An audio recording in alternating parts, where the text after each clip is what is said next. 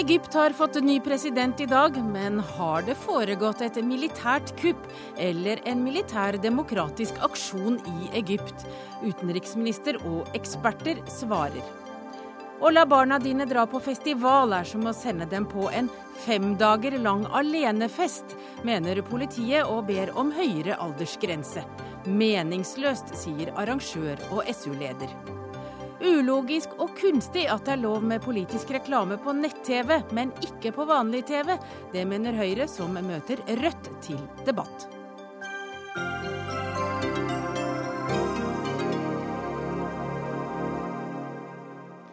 Ja, det er noe av innholdet i kveldens utgave av Dagsnytt 18. Og vet du forresten hvem Ida Frosk er? Hun blir fulgt av 140 000 mennesker, og har bl.a. designet en Prada Toast for motebladet Vogue. Du får møte henne i løpet av sendingen. Velkommen til Dagsnytt 18. Jeg heter Hege Holm. Og først skal vi igjen til Kairo, Egypts hovedstad. Og der er du, Jan Espen Kruse. Hvordan er stemningen i byen i dag?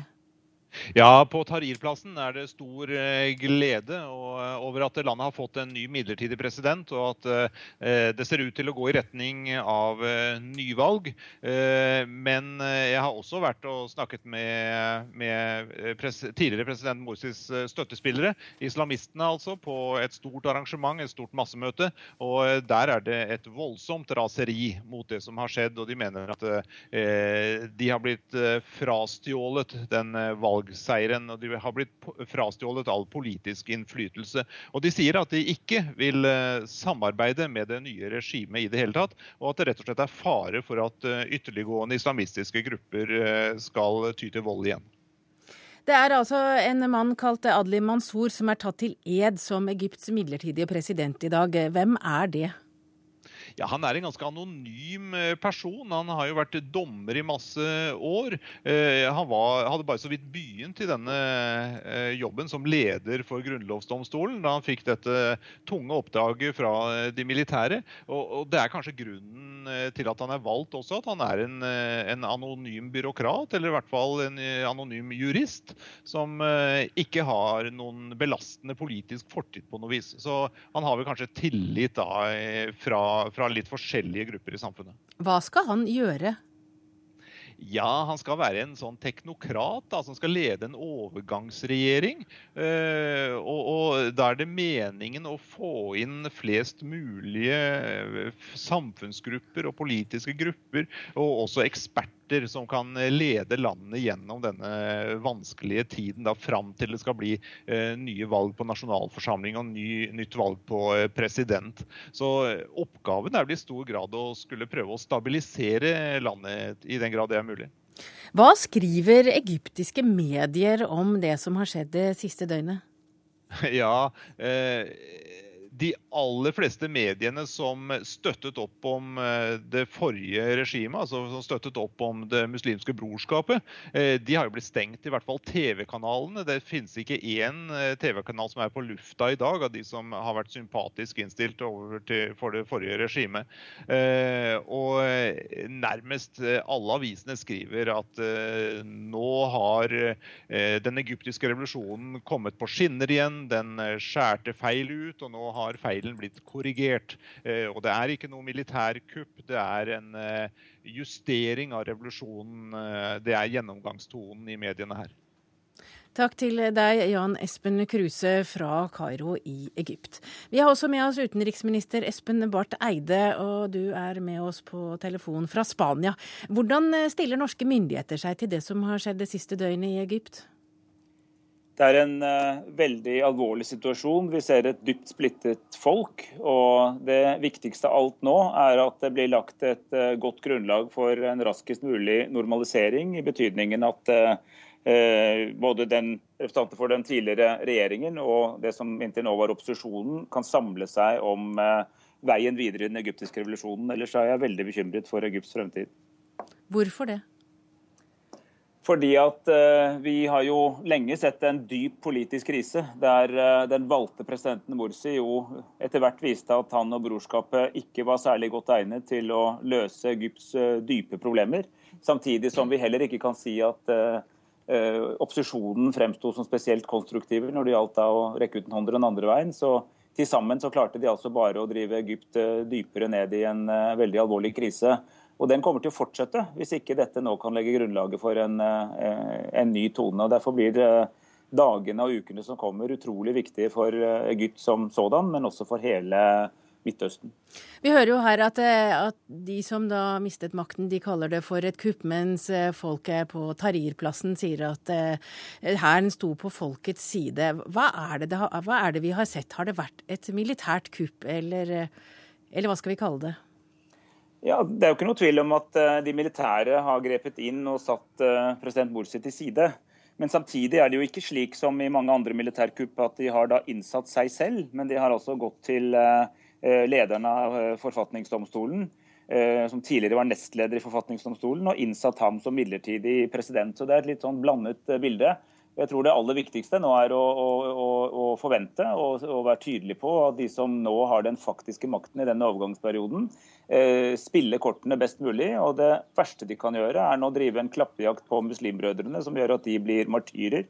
Og da kan fortelle en historie i fremtiden om at de prøvde demokratiet, der ble de avsatt, nå vil de bruke andre virkemidler. Så her kreves det store mengder klokskap for at dette skal gå bra. Ine Eriksen Søreide, du er også med oss. Du er leder for utenrikskomiteen i Stortinget, og du sitter for Høyre. Hva vet du om det som har skjedd i Egypt det siste døgnet? Det er jo i stor grad basert på mange av de samme kildene som jeg tror de fleste har. Utenlandske nyhetssendinger eh, og også informasjoner fra eh, både utenrikstjenesten og andre. Og jeg er jo helt enig i den analysen som utenriksministeren her gir. Eh, det er klart at det som, er, det som var en forventning til, til Morsi og, og, til han som president, var jo en samlende, men også åpen prosess om Grunnloven. Det ble ikke innfridd. Eh, for så vidt så var jo brorskapet klare på i en tidlig fase at de ikke kom til å stille presidentkandidat, men det gjorde de likevel. Og Morsi har jo ikke greid å skape den inkluderende politiske samlingen som eh, var nødvendig for å ta Egypt videre. Og vi har et skjørt eh, Men ett år er jo ikke mye? Nei, på den annen side så har jo det året vært prega av sterke konflikter. En konstant konflikt med, med, rettsvesenet, og heller ikke en stor vilje til å lytte til opposisjonen. Det at man får makt, betyr jo ikke at man eh, skal la være å lytte til opposisjonen og mindretallet, og det har jo i stor grad skjedd her. På den annen side så har jo opposisjonen vært raske til å ty til eh, et eh, grep som jo har blitt mye brukt i det siste, nemlig å samle store folkemengder. Og, og det har jo også sine sider. Eh, og det er jo ingen av partene som egentlig går ut med stor ære i behold her, og begge parter og alle parter har et stort ansvar for at den politiske prosessen nå kommer i gang med en gang. Men bør ikke, minst... Norge ha en ryggmargsrefleks og reagere negativt? Negativt når et demokratisk valgt styre rett og slett eh, blir kuppet av eh, militæret? For å avslutte den setninga jeg var inne i, altså det å få den politiske prosessen i gang raskt, og ikke minst få flytta den fra Tahrir-plassen og inn i parlamentet, kommer til å være uhyre viktig. Nå har ikke jeg registrert at eh, det er særlig mange som har ment at dette har vært greit, altså at militæret avsetter en demokratisk valgt leder, uansett om han skulle være upopulær blant folkemassene som nå står på Tahrir-plassen, er aldri greit. Og det viser også et eh, militære som er utenfor politisk kontroll, og man kan jo snu på det og stille kontrollspørsmål om hvordan det ville vært dersom eh, det militære avsatte en eh, annen president. Eh, og det ville jo antageligvis vært reaksjoner da også. Og vi har vært veldig klare fra Høyres side på at den formen for maktovertagelse aldri er greit. Og litt av poenget med demokratiet er jo nettopp at det er gjennom valg man skal si sin mening om det politiske styret som har vært. Og det er jo på en måte synd at måten det skjer på gjør at brorskapet nå kan bli martyrer på sitt vis. Det kan øke faren for vold og uro, fordi at det er et sterkt splitta folk. Og ikke minst så unngår jo da brorskapet det som er helt naturlig i et demokrati, nemlig at man får beskjed av velgerne i valg om hva de syns om innsatsen til partiet. Ja, Espen Barth Eide, du er fortsatt med oss, eh, selv om vi ikke ser deg på Skype. Men, men hvordan har den vestlige verden reagert i forhold til det som nå har skjedd eh, i Egypt? Jeg tror de fleste vestlige kommentarene må, kan oppsummeres slik at de ligger ganske nær opp til det jeg har sagt. Vi skal huske på at Brorskapet har jo fått veldig mye støtte fra og president Morsi fra uh, vestlige land, uh, fra oss, fra EU og ikke minst fra USA. Så mye faktisk at uh, mange av de i opposisjonen i Egypt har jo også båret liksom, negative plakater med kryssover og blod på bildet av Van Patterson, altså USAs ambassadør i Eh, i Kairo, eh, fordi de mente at eh, brorskapet og Vesten nærmest sto i et slags ledtog. Det er jo naturligvis ikke riktig, men man har forsøkt å støtte opp om en valgt president så langt det overhodet var mulig, fordi man håpet på at det kunne da hindre at mer ytterliggående og mer ekstreme grupper skulle overta makten. Så det er som Ine Marie Eriksen Søreide helt riktig sier, det er aldri greit når vi ser en militær maktovertagelse. Men jeg tror samtidig at vi skal erkjenne at det var ikke spesielt greit i Egypt noen dager før heller. Eh, og at eh, den dype krisen som bare så ut til å forverres, den, eh, den så det ikke ut til å være mange lykkelige løsninger på. og Derfor så vil jeg egentlig konsentrere meg om det som skjer nå fremover. Men Det forstår jeg, men, men, men mange lurer jo på hva som har skjedd. Og, og, Det har jo vært mye skriverier i dag om at hvis det er et militært kupp vi nå har sett i Egypt, så får det også en del konsekvenser for hvordan andre land skal reagere mot Egypt, bl.a. økonomisk. Jo, men jeg, jeg, jeg, har sett det stå mye om det, men jeg tror det faktisk er kraftig overdrevet at det skal være begrunnelsen. Eh, det er faktisk mer det at man er eh, veldig opptatt av nå å få dette inn på et eh, best mulig spor, gitt et veldig dårlig utgangspunkt. Og Da ønsker man å, å, å si én ting. Det, er at de som nå faktisk styrer landet, har et veldig stort ansvar for å inkludere alle grupper, også de som er avsatt i den kommende politiske prosessen. Fordi at Demokrati er jo mer enn flertallsstyre. Det er ingen tvil om at Morsi ble valgt i ett valg, altså presidentvalget. Det har ikke vært parlamentsvalg, det har ikke vært noen konstitusjonell prosess, noen grunnlovsprosess. Det har ikke vært eh, mye respekt for eh, mindretall og minoriteter i Egypt. og Det har vi sagt selv om vi har samarbeidet nært med den valgte presidenten. Vi har personlig sagt det til Morsi, hatt eh, gode samtaler med ham, som også veldig mange andre i Vesten har hatt. Og, og, og, og Summen av dette er, er, er høyst beklagelig. Men, eh, men, nå er det altså slik at eh, det gjelder å, å, appellere til de som sitter med reell makt, eh, om at de må vise klokskap på veien videre. For Egypt må overkomme denne dype splittelsen. Er, ellers så blir det bare fort verre. Og Jeg er veldig opptatt av det som vi nå begge har sagt. altså Vi må virkelig unngå at brorskapet blir fullstendig isolert og så går inn i en martyrrolle og kommer tilbake i en helt annen form enn vi tidligere så dem. Ja, og det er jo ingen tvil om at den, den, prosessen som nå må i gang, den må være rask og inkluderende. Sikkerheten må ivaretas, for det er jo en stor utfordring i Egypt allerede før dette skjedde. Og man kan altså ikke ha en situasjon hvor man fengsler brorskapets ledere uten lov og dom, stenger TV-kanaler osv. Så, videre. så selv om Morsi på mange måter har skusla bort den demokratiske legitimiteten han hadde, så er brorskapet der fortsatt og vil være en faktor.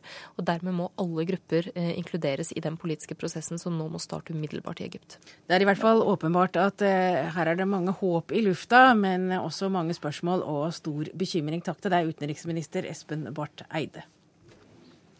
Vi skal ikke slutte å snakke om Egypt, men vi får flere mennesker inn i studio som er veldig opptatt av det som skjer akkurat nå.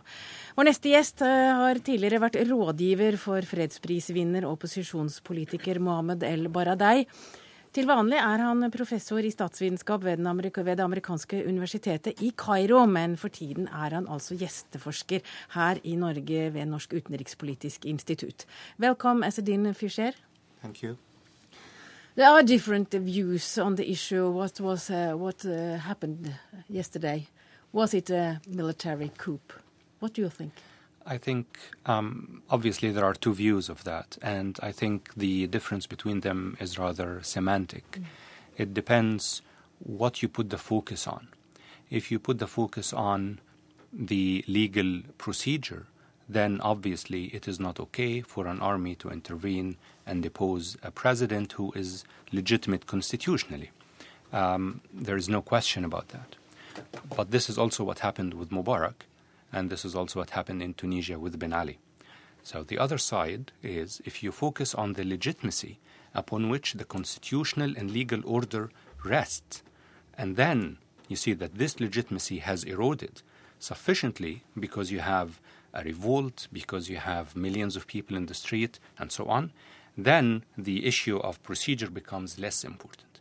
It depends, one, on which aspect is more important to you, and two, on where do you want to take the situation. Um, for me, as a citizen, I'm more interested in the legitimacy upon which the order rests. We wanted, you know, we, we went to the streets two years ago because we wanted a democratic order. The transition to democracy was derailed, and we ended up with a new authoritarian regime. So we went, and the system was closed so that we had no option but to go back to the street. We went to the streets, we were few, and then, thanks to the Muslim Brothers governance style, they added people to the street on our side until the majority of Egyptians became in the street and the minority became in the political and legal system. But do you know that uh, what we uh, see in the streets now are the majority? Well, I think it's obvious if you look at the aerial footage of the demonstrations uh, on the 30th of June, the numbers were estimated with Google Maps and estimates and so on by 17 million people. That is more than, you know, the electoral body in Egypt is 25 million people, the 100% of the electoral body. But um, also, you know, as a citizen and someone who lived, you can see, you look at the um, number of people cheering. The people are smiling again on, on the streets and so on. So, of course, Egypt is divided. Of course, there is a part in the population who feels betrayed and this is not okay.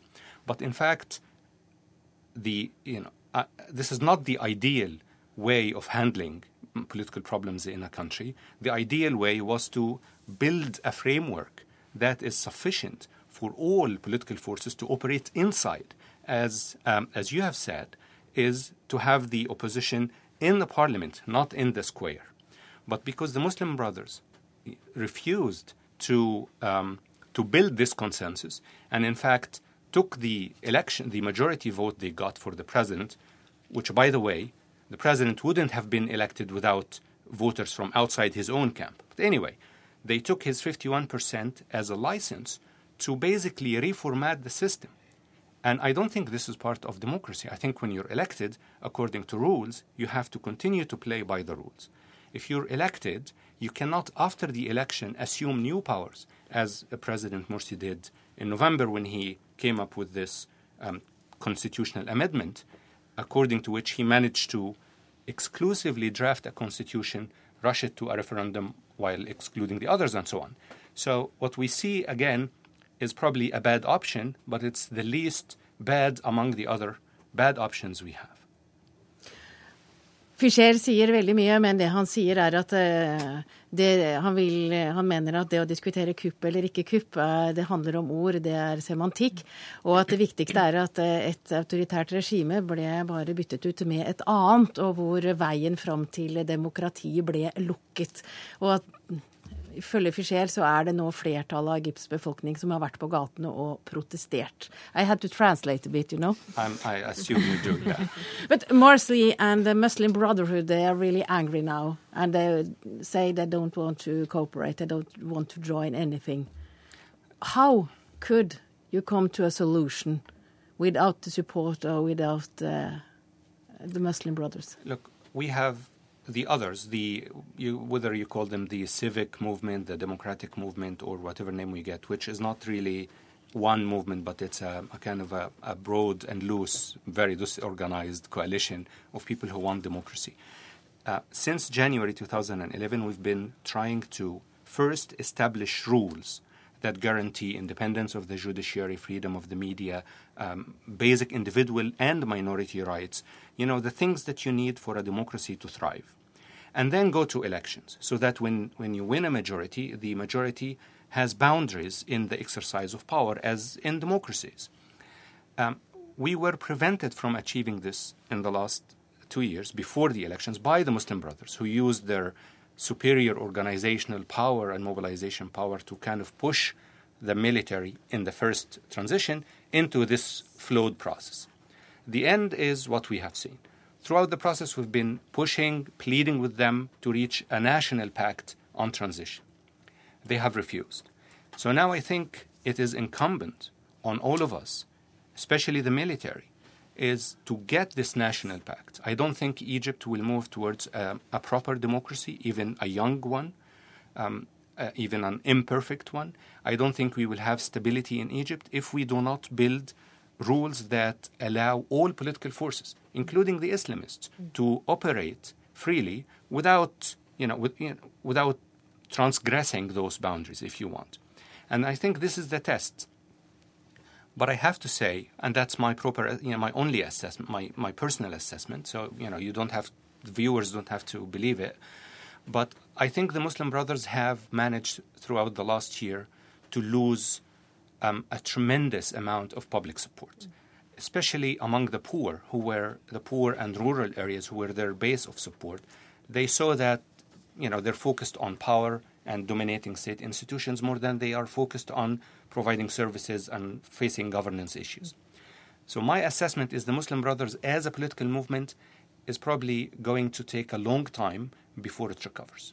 However, there are other Islamists and the those who believe that Islam is also political and has um, a social and economic project for the society are still there, and it's probably more likely that you will see other organizations and other political parties picking up this part of support in the society than the Muslim Brothers. But the bottom line is we have to have an inclusive process with the military, with the backing of the military and all the other forces that are there. And this process has to reassure everyone that we are moving towards a democratic, um, um, a democratic model, not a new form of authoritarianism. And at least this is what we, the, if you can call us the younger generation or those who kind of fight for democracy, this is what we want. And if the military do not follow this line, we will push them. Then we will go back to the streets. We will go back to the streets. Ja, Det Fischer sier her, at han tror eh, for det første at uh, de muslimske brødrene, partiet som har regjert nå, de får stadig mindre støtte. Men at de må være med hvis det skal bli et reelt demokrati i Egypt. Men for å få til et reelt demokrati, så må du først ha et rammeverk. Du må ha en grunnlov. For ellers så er det vanskelig å regjere, og da kan det samme skje igjen. Og hvis man får igjen et autoritært regime, så man må gå tilbake til, eh, til gatene. Og det gjør den yngre yngre generasjonen, som Fischer kaller seg selv, eh, hvis ikke demokratiet blir eh, en realitet. And you seems like an optimist. You believe that there will be a democracy in Egypt eventually. Look, I believe that Egypt has changed profoundly, and without this change, January 2011 would not have happened. I believe there's a new majority in Egypt um, below what you see on the surface. That is the 75% of those who are under 50 in Egypt and who want a modern democracy, who want to be part of the world. And they are not only in the liberal camp, they are in all camps. And I believe that ultimately we shall prevail. But it will take time, and the road will be bumpy. And as you can see, it works in, in waves. We go um, in one side, and then you know we were partners with the Muslim Brothers against the uh, the old regime. Muslim Brothers, in our view, betrayed us and hijacked the transition. We turned. Now we have, um, ironically, the military and some of the old regime on our side. They claim that they have understood that what is needed is democracy. We will examine that. But ultimately, we are prepared to push again and continuously until we get it right on the road to democracy, and we will get it right. Ja, Fischer han eh, mener at veien er bare veien er klar. Det går én vei, og at eh, befolkningen bare vil ha demokrati og gir seg ikke.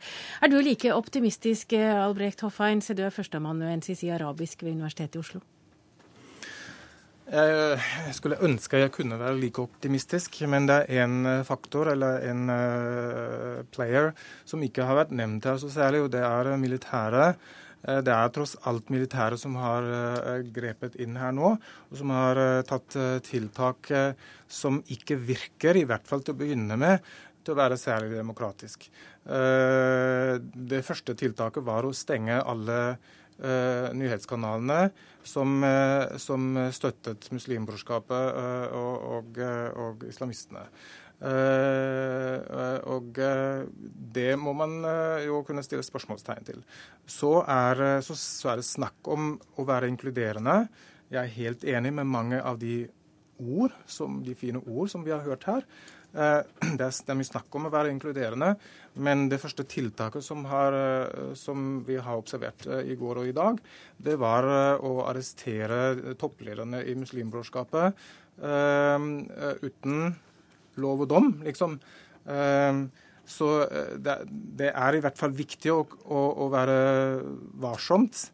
Uh, og det er også en del i, altså blant demonstrantene, en del av de som er sekulære, som, som, ikke liker helt måten dette har blitt gjennomført. Som, Men hvordan kunne det vært gjort på en annen måte? Det er jo, det er jo selvfølgelig et, godt spørsmål, men, men en annen måte det kunne vært å faktisk å vente tre år til Eh, eh, og så insistere på, ved hjelp av både folk på gaten og mediene, og eh, at, at de kommende president- og parlamentsvalgene ville vært gjennomført på en, på en ordentlig måte. Jo, man kan jo si at Militærets rolle i mange av landene i regionen er jo ganske spesiell i forhold til hvordan vi er vant til å se på militærets rolle. De har jo blitt sett på i stor grad som eh, garantister for sikkerhet, har ofte nytt høy popularitet. Men den andre sida av det er jo at de har et stort ansvar for å ikke bidra til destabilisering og delegitimering av valgte eh, ledere og valgte regimer. Eh, og uansett eh, hva man velger å kalle det, og der er jeg helt enig med Fischer i at dette er egentlig litt semantikk. For uansett hvordan man ser på det, så er det ingen grunn til å prøve å tildekke det faktum at militæret har tvunget en demokratisk valgt leder til å gå av. Han har ikke lenger makt. Han sitter i husarrest i Forsvarsdepartementet. Og sjefen for Høyesterett er for så vidt, etter konstitusjonen, utnevnt til å nå håndtere en overgangsfase. Og ansvaret hans selvfølgelig blir jo nå å få utskrevet nyvalg, og ikke minst bidra til, i likhet med andre ledere som nå kommer til å stå fram, at man ikke får ytterligere uro, vold, blodsutgytelse, og at man kan risikere at man får en langvarig konflikt som ikke kommer til å støtte opp under det skjøre og unge demokratiet som Egypt er. Men, men Hofeins, helt eh, kort til slutt. Hvem er opposisjonen? Hvem er det som nå skal eh, overta? Du mener opposisjonen som, ja, som ja, Opposisjon, eller de var opposisjon. I dag er det vel eh, helt flytende. Nei, det, det, er et sammensatt bilde. Vi har På den ene siden har vi uh, den uh, National Salvation Front, uh, som de heter på engelsk, som dr. Baradei er lederen for. men du har også salafi, altså ytterliggående islamistgruppene, salafistene, som også har opponert mot brorskapet fra høyresiden. Og så har du en del av de de som kaller seg selv revolusjonære, revolusjonære eller revolusjonære sosialister, som, eh, som eh, er like mye mot militærmakt eh, som de har vært mot muslimbrorskapet, og som nå er ganske skeptiske mot at folk flest på gatene ser ut til å til å eh, ønske militær og politi velkommen og, og bære dem på skuldrene sine og, og, og, glemme alt det som har skjedd i 2011, alle de overgrep som folket har faktisk opplevd fra, fra sikkerhetsstyrkene. Men er Egypt modent? Altså, hvis man nå får et rammeverk, en grunnlov på plass, og utlyser nytt valg, og det er et demokratisk valg, alle får lov å bruke stemmeretten sin, er det da sjanse for et mer stabilt land? Og et mer stabilt styre? Jeg tror absolutt Egypt er moden for eh, demokrati. Det er, det er, eh, det er ingen tvil om. De har, de har gjennomført et uh, transparent valg. Og, det, det, at valg resulterer i en splittet sammensetning, en politisk sammensetning, det, har, skjer jo ikke bare i Egypt, det skjer også i andre land. Noe av det viktigste Norge og andre vestlige land nå kan bidra med, er jo å fortsette det vi har begynt på, nemlig å støtte opp under sivilsamfunn og etablering av ulike politiske partier som kan bidra i en sånn politisk prosess.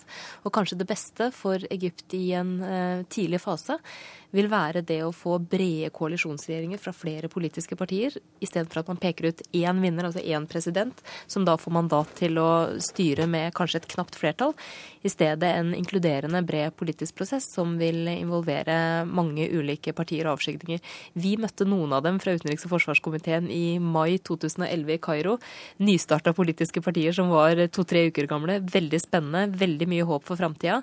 Men vi har også et eh, ansvar for å bidra til å støtte opp om de kreftene eh, som kan bidra til et positivt demokratisk skifte i Egypt. Så vi krysser fingre. Takk til Ine Eriksen Søreide, leder i utenrikskomiteen på Stortinget og sitter for Høyre. Thank you for coming here.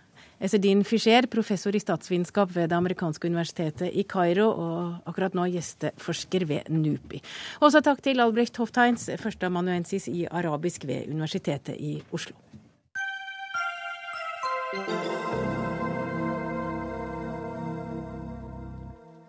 Nå skal vi til noe helt annet. Vi skal hjem igjen. For narkotikahunder sendes nå inn i klasserom for å snuse på elever og sekker uten at politiet har konkrete mistanker om lovbrudd. Og dette mener Unge Venstre at truer elevenes rettssikkerhet. Og Sveinung Rotevatn, du er leder i Unge Venstre, og nå må du forklare denne skepsisen til skoleaksjonene. Den skepsisen bunner i noe så enkelt som at eh, rettsstaten kan ikke stoppe ved skoleporten. Og det er ikke slik at bare fordi at du er elev i den norske skole, så skal du ikke være uskyldig til det motsatte er bevist. Jeg tror ikke det er noen av oss andre, verken dere i NRK eller folk på Stortinget, som vil akseptert at eh, politi kan gå inn på en arbeidsplass med hunder og sniffe på folk uten skjellig grunn til mistanke. Det bør vi ikke akseptere i skolen heller. Både fordi at det sannsynligvis strider med helt grunnleggende rettsprinsipp både i Norge og Europa, og fordi at jeg tror den praktiske konsekvensen av det her kan slå feil ut. Fordi at hvis du er en elev som kanskje sliter med rus, eh, så tror jeg kanskje det siste vi bør gjøre, er at du kan oppleve å få en uanmeldt aksjon og en hund på deg i klasserommet. Da tror jeg heller den eleven slutter på skolen, og det er kanskje det siste som bør skje med en som trenger hjelp, og ikke politi inn på seg. Vi skal komme tilbake til det rettslige, men Ingjerd Schou, du er stortingsrepresentant for Høyre. Og dette er jo altså et forslag som bare Venstre og KrF stemte mot i Stortinget. Hvorfor mener dere at det er greit at man bekjemper narkotikabruk i skolen på denne måten? Ja, Utgangspunktet her er jo at vi skal ha nulltoleranse for uh, narkotika uh, i hele det norske samfunn, og det gjelder også skolen. Uh, og jeg syns det er bra ja, at politiet gjør denne type undersøkelser. Du skal huske på at i all hovedsak så kommer jo denne type undersøkelser fra politiets side etter tips og henvendelse fra noen, det være seg ansatte i skolen eller fra elever eller foresatte. Og jeg tror at Skolen, skolen, skal ikke være noen øde øy eller noen frisone. Og ofte har jo politiet vært kritisert for at man ikke driver forebyggende arbeid. Og jeg tror at det å komme inn tidlig med de mest eh, utdannede firebente i Eh, politiet som har eh, nese for slikt, eh, faktisk kan være med på å på et tidlig tidspunkt avdekke om det er noen som trenger bistand til å komme seg ut av det å være ute på skråplanet. Vi vet at det er situasjoner hvor man både driver med langing og salg, og at det er bruk. Og jeg tror at politiet gjør arbeidet sitt først og fremst selvfølgelig ved at vi har de anmeldte undersøkelsene, men skulle de ikke være anmeldt, så forutsetter jeg i grunnen at politiet har eh, en eh, god begrunnelse for at de også gjør det. Man skal jo huske på her at Så de kan ikke gjøre det bare pga. at de vil ta en stikkprøve eller skremme? Jeg er i hvert fall ikke kjent med at, de, at norsk politi bare raider en skole uten at de har en eller annen mistanke. Det tror jeg eh, i så fall er å underkjenne at politiet er et profesjonelt politi. Målet er jo ikke å straffe noen. Eh, men det er å få en tidlig kontakt med, med de som bruker narkotika, eh, for så å etablere en kontakt. Og, og, sånn sett eh, så er det veldig ofte at vi ser at man har en såkalt påtaleunnlatelse, og at man, altså at man ikke får straff, men at man følger opp da med samtaler med eleven, med foresatte, med skolen om så nødvendig, med urinprøver over en viss periode, slik at man kan komme tidlig inn og sånn sett drive sånn, forebyggende. Men det kommer etterpå. Rotevatn, politiet kommer inn når de har mistanke om at at det er et eller annet. Er ikke det like greit? Dersom politiet har eh, skjellig grunn til mistanke om at noe kriminelt eh, foregår, eh, så har en selvfølgelig, som i alle andre tilfeller, mulighet til å undersøke det og gjøre nødvendige tiltak. Dessverre så har vi altfor mange eksempel på, f.eks. i Vestby og Akershus i mai eller i Drammen i april, at politiet tar seg inn på skoler uten at det er konkret mistanke mot noen, går inn i klasserom, og da har vi eksempel på at en har elever som har blitt stilt opp etter veggen, at hunder blir sendt rundt for å sniffe på elever, på sekker, på det som er i klasserommet. Det er ikke lov, og det vil ikke være tillatt i noen annen arena på samfunnet, på noen arbeidsplass, uten at det av den grunn blir en frisone, som Ingjerd Schou kaller det. Jeg syns det er en ganske oppsiktsvekkende uttalelse. Og det å kalle det å gå inn i et klasserom uten mistanke eh, for forebyggende arbeid, det er nytale. Det er ikke snakk om forebyggende arbeid, det er snakk om en razzia, det er snakk om ransaking. Og dette er det ikke bare jeg som sier. Det har vært kraftige protester fra Elevorganisasjonen, fra Elevombudet, ja til og med Riksadvokaten har vært og sagt at dette her ikke er greit. Likevel så fortsetter Høyre og andre partier å sende ut signal og gjøre vedtak i fylkesting om at dette må en bare holde på med. Jeg syns ikke en må holde på med dette. Jeg syns heller en skal ha en mye mer målretta innsats på det vi vet virker. Eksempel, så har vi Vi tar det etterpå, Rotevatn. Nå tar vi akkurat det med rettsvernet for elever først. For vi har med oss Anine Kierulf, som er stipendiat ved Institutt for offentlig rett ved Universitetet i Oslo. Jeg tror jeg også hadde blitt litt rasende hvis det plutselig kom narkotikahunder inn her i NRK og begynte å sniffe på veska mi for å se etter om jeg hadde med meg narkotika på jobben. Er det lov? Hvis det er eh, rettet mot person på den måten du der skisserer, så krever det skjellig grunn til mistanke, og da må det være ledd i en konkret etterforskning. Eh, Høyre- og Venstre-representantene her snakker jo litt i hver sin retning, det er kanskje ikke så rart. Men, eh, men de snakker jo om to litt ulike situasjoner. Det Rotevatn er opptatt av, er jo det som fremstilles som forebyggende arbeid, men som i realiteten også innebærer en form for razzia, fordi skoleelevene er i en slags tvangssituasjon, hvor det at de reiser seg og går ut fra den frivillige undersøkelsen i klasserommet, eh, bidrar til et stigma som kan være like ille som at en hund markerer på dem. Eh, det Ingjerd Schou snakker om, eh, er jo ikke egentlig knyttet til denne realiteten. Hun sier jo at dette skjer bare ved konkret mistanke. Det er, jo, det er jo direkte i strid med det politiet selv oppgir som sin grunn for å drive dette. Det står i deres rundskriv, informasjonen om dette, så står det at det at innsatsen er forebyggende, betyr at den skjer uten at det foreligger mistanke om befatning med narkotika. Så Politiets forståelse av dette er at de driver forebyggende arbeid for å drive informasjonsvirksomhet, og for så vidt da skremsel på et mer eh, generelt nivå, mens det i realiteten Men er det greit? Nei, det er ikke greit, fordi det innebærer ikke bare generell informasjon. Hvis man bare drev generell informasjon, så trengte man jo ikke utsette elevene for det som kan direkte, eh, bli direkte ransakelse, som krever en annen type hjemmel og en annen type begrunnelse. Dette eh, fremgår av vår straffeprosesslov. Det eh, fremgår også av Den europeiske menneskerettighetskonvensjons beskyttelse for privatlivet. Dersom man skal gjøre inngrep i privatlivet, og særlig i strafferettslig øyemed, som dette jo da til dels vil være, fordi det kan være snakk om lovbrudd, det er jo at man både har hjemmel i lov, og at eh, inngrepet er proporsjonalt. Sånn at det må være Eh, Men andre ord så har altså politikerne vært med her og vedta noe i Stortinget som de ikke helt eh, kjente konsekvensen av? Det virker lite gjennomtenkt, eh, akkurat dette aspektet av det. Man kan jo tenke seg tilsvarende situasjoner som rutinekontroll, promillekontroller i trafikken eller eh, sikkerhetskontroll på flyplassen. Men der er man i en mye større grad i en valgsituasjon. Man velger om man vil reise eller kjøre i trafikken. Og farepotensialet, ikke minst ved å kjøre i promille i trafikken, er jo mye større enn ved å ha vært i befatning med narkotika som elev. Ingjerd Schou, eh, når du hører her hva Nini Kierulf sier, eh, går du tilbake til gruppa di Høyre og kanskje tenker dere om en gang til? Nei, altså Utgangspunktet for oss er jo at dette er i forebyggende øyemed. Men politiet sier jo at det er eh, noe de gjør uten at de har skjellig grunn til mistanke? Ja, og jeg oppfatter vel at vi snakker litt forbi hverandre, men, men, at politiet faktisk har kontakt med skolen, med ungdommen, og at man viser og synliggjør at Eh, det som har vært lovgiver, altså at vi har en nulltoleranse for rus i det norske samfunn, også på skolene, og at det ikke får lov til å utvikle seg eh, situasjoner som går på bruk eller salg eller, eller, eller den type ting. Eh, det tror jeg er, er, klokt, og jeg tror at dette er nettopp det vi har etterlyst hos politiet, at man driver forebyggende arbeid. Jeg ser vel at det aller viktigste er at man har anmeldte besøk, og at dette er i samarbeid med skolens ledelse og med elevorganisasjonene. Og det har også vært slik at ungdom som har ønsket å gå ut og ikke være med på dette, har hatt anledning til å, til å gjøre det. Og jeg, man ser jo senere at både det være seg idrett eller i militæret, eh, at man møter denne type undersøkelser, og at nulltoleransen også skal gjelde på skolene. Så det tror jeg alle er enig i. Kjerulf har en eh, helt kort replikk til slutt. Ja, Høyre må gi en god begrunnelse for hvorfor skoleelever, til tross for Barnekonvensjonen, skal ha et dårligere rettsvern enn andre borgere. Det var Anine Kierulf. Hun fikk det siste ordet her. Dette er en debatt som åpenbart kommer til å fortsette. Takk til eh, deg. Du er stipendiat ved Institutt for offentlig rett ved Universitetet i Oslo. Ingjerd Schou, stortingsrepresentant fra Høyre, og Sveinung Rotevatn, som er leder i Unge Venstre. Hør Dagsnytt 18 når du vil, på nettradio eller som podkast. nrk.no – dagsnytt 18.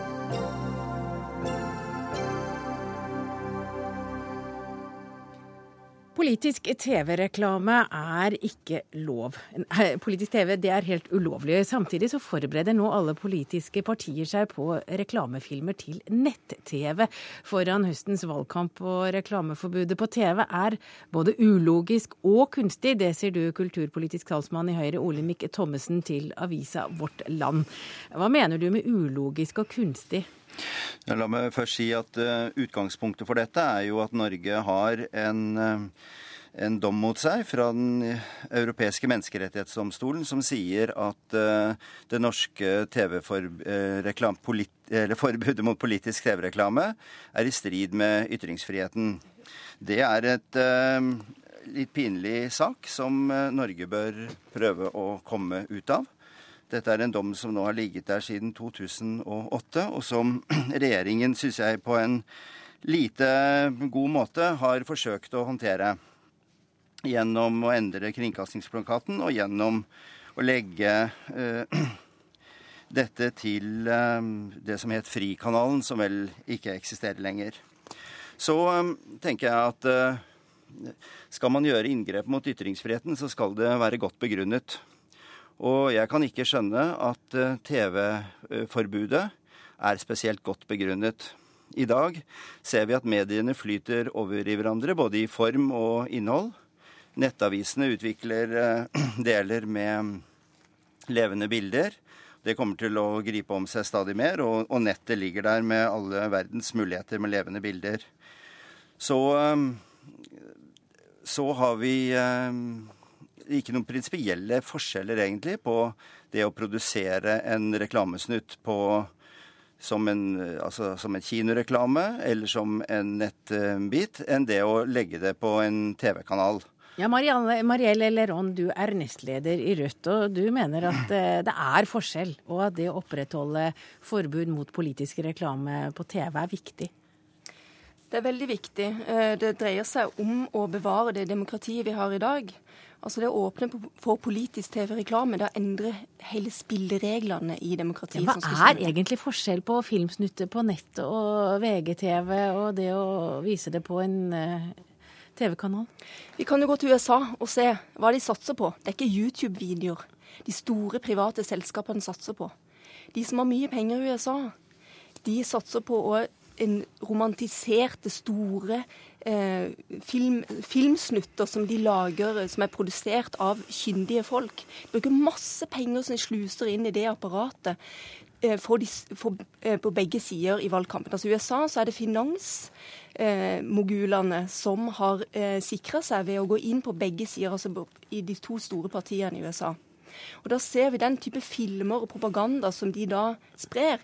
Det er jo også propaganda som tjener deres egne interesser. Men du mener at det ligger ikke like mye penger i nett-TV-reklame?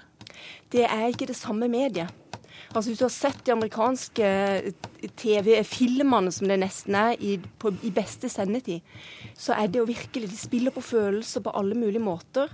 Og det er klart at disse rike, altså de store selskapene i USA, de skal ha noe igjen. De gir ikke ved dørene de forventer når valgdagen er over, at de skal få noe igjen for dette her. Så den dreiene, det som Høyre, det er ikke oppsiktsvekkende at Høyre ønsker en, dreien, en, drein, en amerikansk retning. Både når det gjelder eh, demokrati og når det gjelder eh, privilegiene til de private selskapene. Ja, Ole Thommessen, Er det det du egentlig vil? At dere i Høyre dere har råd til store, fine filmer dere gjerne vil vise på TV?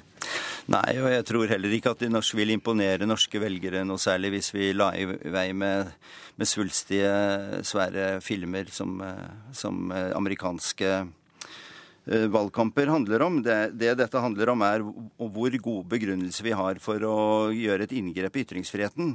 Her var det et lite parti som saksøkte staten, nemlig Pensjonistpartiet. Det var de som saksøkte staten, og som eh, vant frem gjennom Menneskerettighetsdomstolen. Som et lite parti så følte de at det var vanskelig å komme på i TV. De følte at det var vanskelig å, å formidle. De følte at de hadde en reell sperre for å formidle sitt politiske budskap. Og det syns jeg vi skal ta på alvor. I dag er det enkelt å lage TV-bilder. Det er ikke sånn som det var før, at, du, at, det var en kjempekostbar historie hvor du måtte liksom leie studioer og stå i. Det er nokså enkelt å lage TV-bilder. Du kan gjøre det på mobilen din øh, nesten.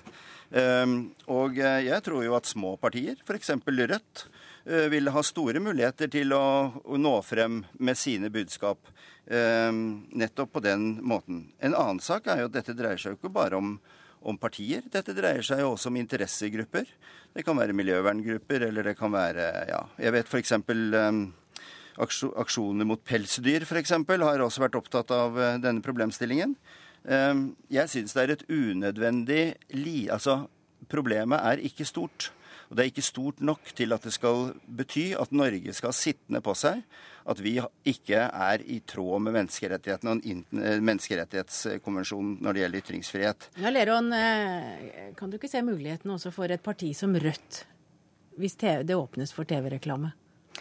Nei, altså Poenget er at dette her er det helt klart. altså Vi ser det i USA og vil få den samme tendensen i Norge. Det være de som har penger til å betale for dette.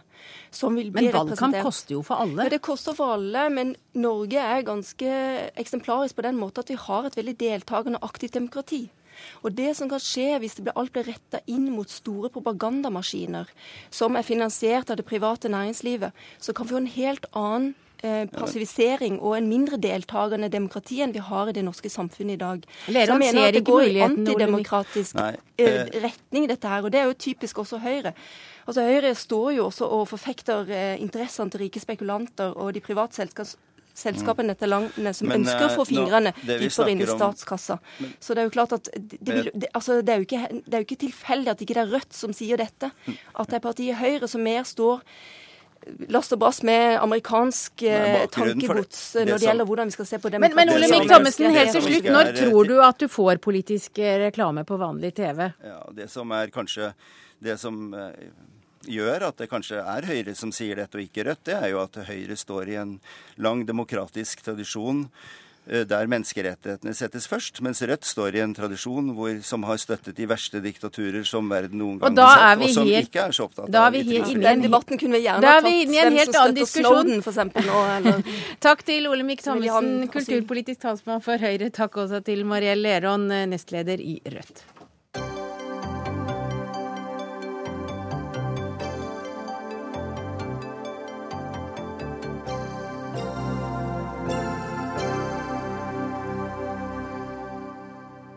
Hvis du sender barna dine, eller hvis du lar barna dine dra på musikkfestival med camping i sommer, så er det som å sende dem på en mange dager lang hjemme alene-fest.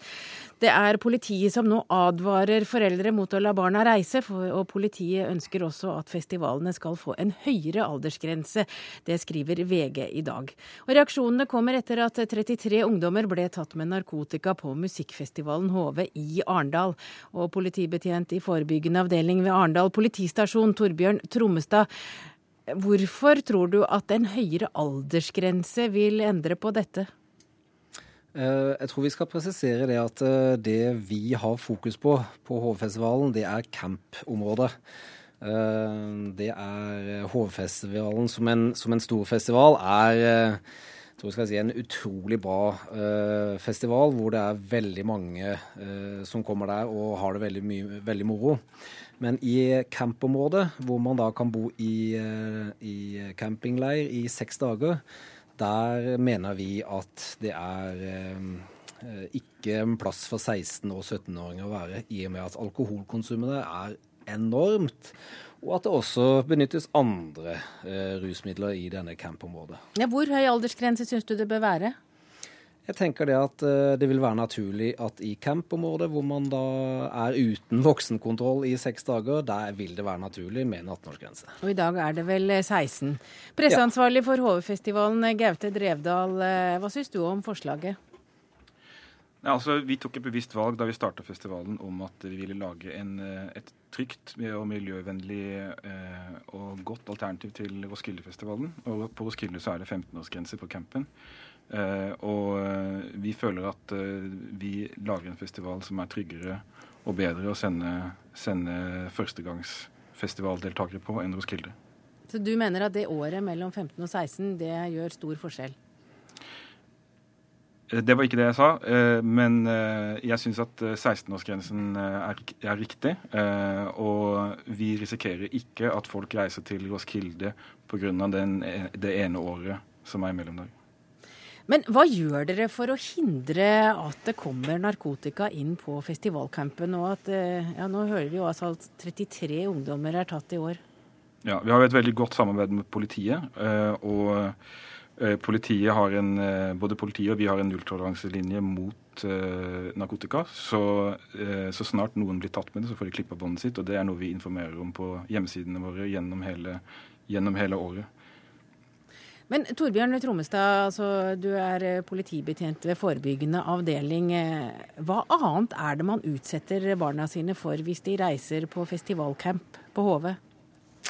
Altså, når, når, vi jobber med uh, foreldre gjennom hele året, så er kanskje noe av det mest skumle en del foreldre ser for seg, det er disse hjemme alene-festene.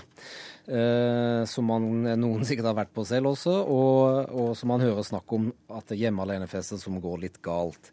Uh, og da forundrer det meg stort at uh, en del av de samme foreldrene er ukritisk til å sende 16- og 17-åringen sin uh, til en camp i hele seks dager, hvor de er uten det jeg vil kalle voksenkontroll. Og i denne campen så er det ingen kontroll i forhold til hvem som nyter alkohol. Og, og etter nå å ha vært der siden campen startet på søndag, så er det jo en seks dagers eh, hjemme alene-fest. Det er det jo ikke tvil om. Ehm, så at, at eh, Jeg skjønner at HV-festivalen ønsker, eh, ønsker å lage en så god festival som mulig. Men å si at uh, vi har et bra miljøfokus og selger økologiske pølsebrød, det holder ikke, altså. Vi må bare litt opp. Må, jeg kjenner at jeg fryser litt på ryggen nå, uh, Tromsdal. For jeg har hatt barn under 18 år som har reist på HV-festival, men de har nå kommet hele hjem igjen, da. Men leder i Sosialistisk Ungdom, Andreas Halse, du er jo ung, og du syns at et, eh, en aldersgrense på 16 år, eller altså høyere enn 16 år, bare er tull. Hvorfor det?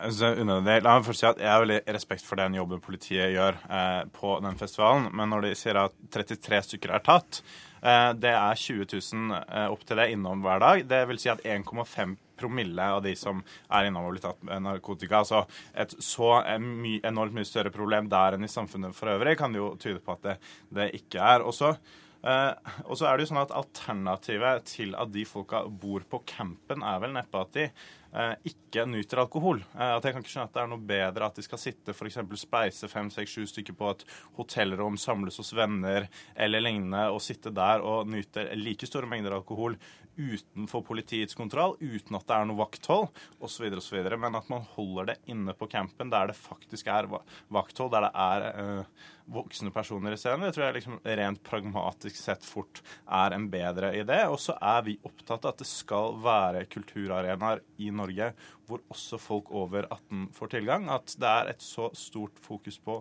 alkohol eh, i Norge at med en gang man er under 18 år, så har man vesentlig færre kulturtilbud som er eh, mulig å benytte seg av. Vi ønsker ikke at HV skal gå inn i rekken av festivaler som er stengt for ungdom under 18. Ja, Trommestad, hva sier du til det? Er det bedre at ungdommen lærer seg et hotellrom og sitter der i stedet?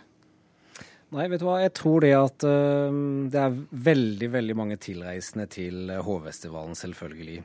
Og uh, jeg tror det at uh, en del foreldre de hadde sluppet da å ta den kampen med sin 16- og 17-åring som hadde ønsket å dra på camp i seks dager og eh, rett og slett sagt det at nå er det slik at eh, når du blir 18, så er du hjertelig velkommen til å bo i camp og få med deg Hovefestivalen.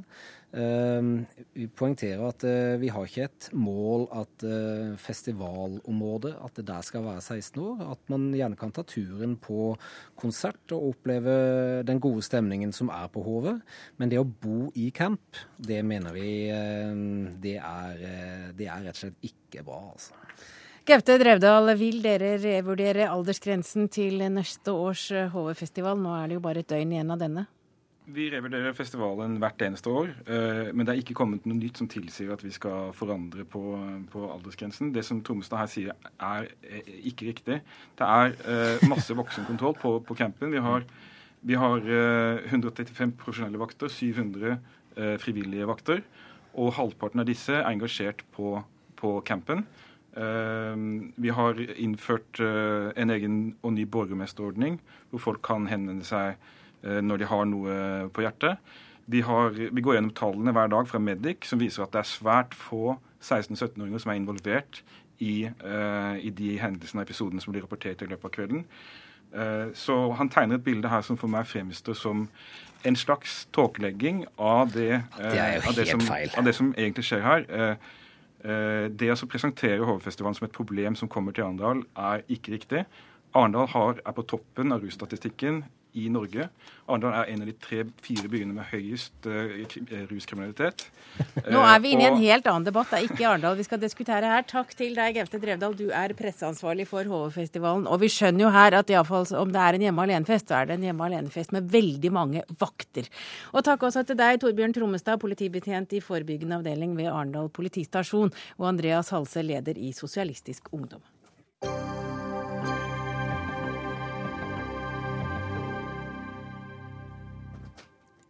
Ida Skivenes er et fenomen. Hun kaller seg for Ida Frosk. Hun har 140 000 følgere på Instagram og får nye følgere hver dag. Medier over hele verden vil gjøre intervjuer med Ida, og ja, hva er det Ida Frosk egentlig gjør? Jo, hun legger rett og slett ut bilder av mat. Ja, mm. nå kommer det også bok. Den kommer både på norsk og engelsk samtidig og skal distribueres over hele Europa. Jeg må bare gratulere, Ida. Tusen takk for det. ja. Det har jo skjedd eh, utrolig mye på veldig kort tid med mine kreative frokoster.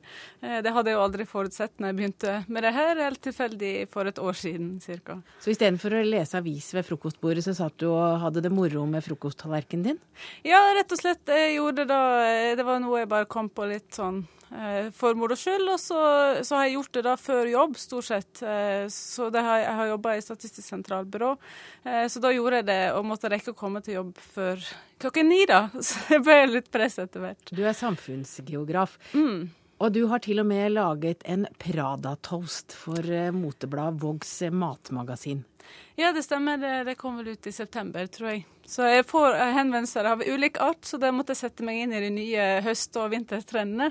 så det var jo litt uh, artig, da. Ja, hvordan ser en Prada-toast ut? Eh, nei, det er en eh, brødskive med, med hovedsakelig dominert av rød paprika, som er inspirert av et rødt lærskilt eh, sånn eh, skjørt som de hadde i kolleksjonen der, da. Så det trenger ikke så mye til for å på en måte sette i gang litt fantasien. Eh, og det er jo det å også prøve å få frem litt at eh, man trenger ikke å lage en Prada toast, men man kan kanskje friske opp eh, måltidene sine litt eh, med å bare gjøre det litt mer morsomt. da. Eh, bruke enkle ingredienser og ganske sunne ting, da, stort sett. Ja, det skal, være, skal, helst være sunt, står det på hjemmesiden din.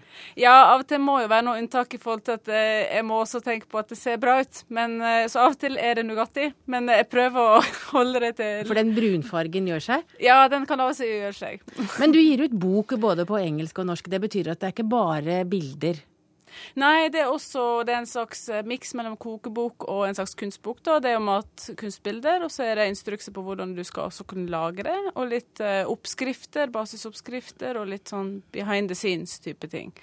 Eh, så det blir jo en bok som man både kan bruke til inspirasjon til å lage egne ting, eller eh, mer for underholdning, da. Eh, Du har holdt på med dette i et år, og nå har du ikke tid til å jobbe lenger.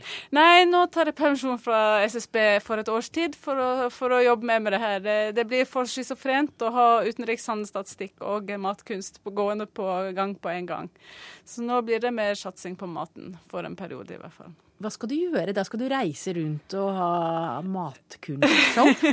Eh, for så vidt kanskje litt. Jeg har jo noen faste spalter her også på VG og Foreldre og barn og sånn. Og så er boklansering i gang. Og så skal jeg holde noen workshops. Jeg skal på en festival i USA og lage mat. Eh, og så tar jeg det egentlig litt som det kommer. Ja. Og For de som lurer veldig, så finner de deg på nettet, Ida Frosk. Ja, jeg er både på Instagram, eh, Twitter, overalt. Vår sending er slutt. Takk for at du kunne komme. Ansvarlig var Siri Hytten. Teknikken sto Karl Johan Rimstad for. Jeg heter Hege Holm, og vi høres igjen i morgen.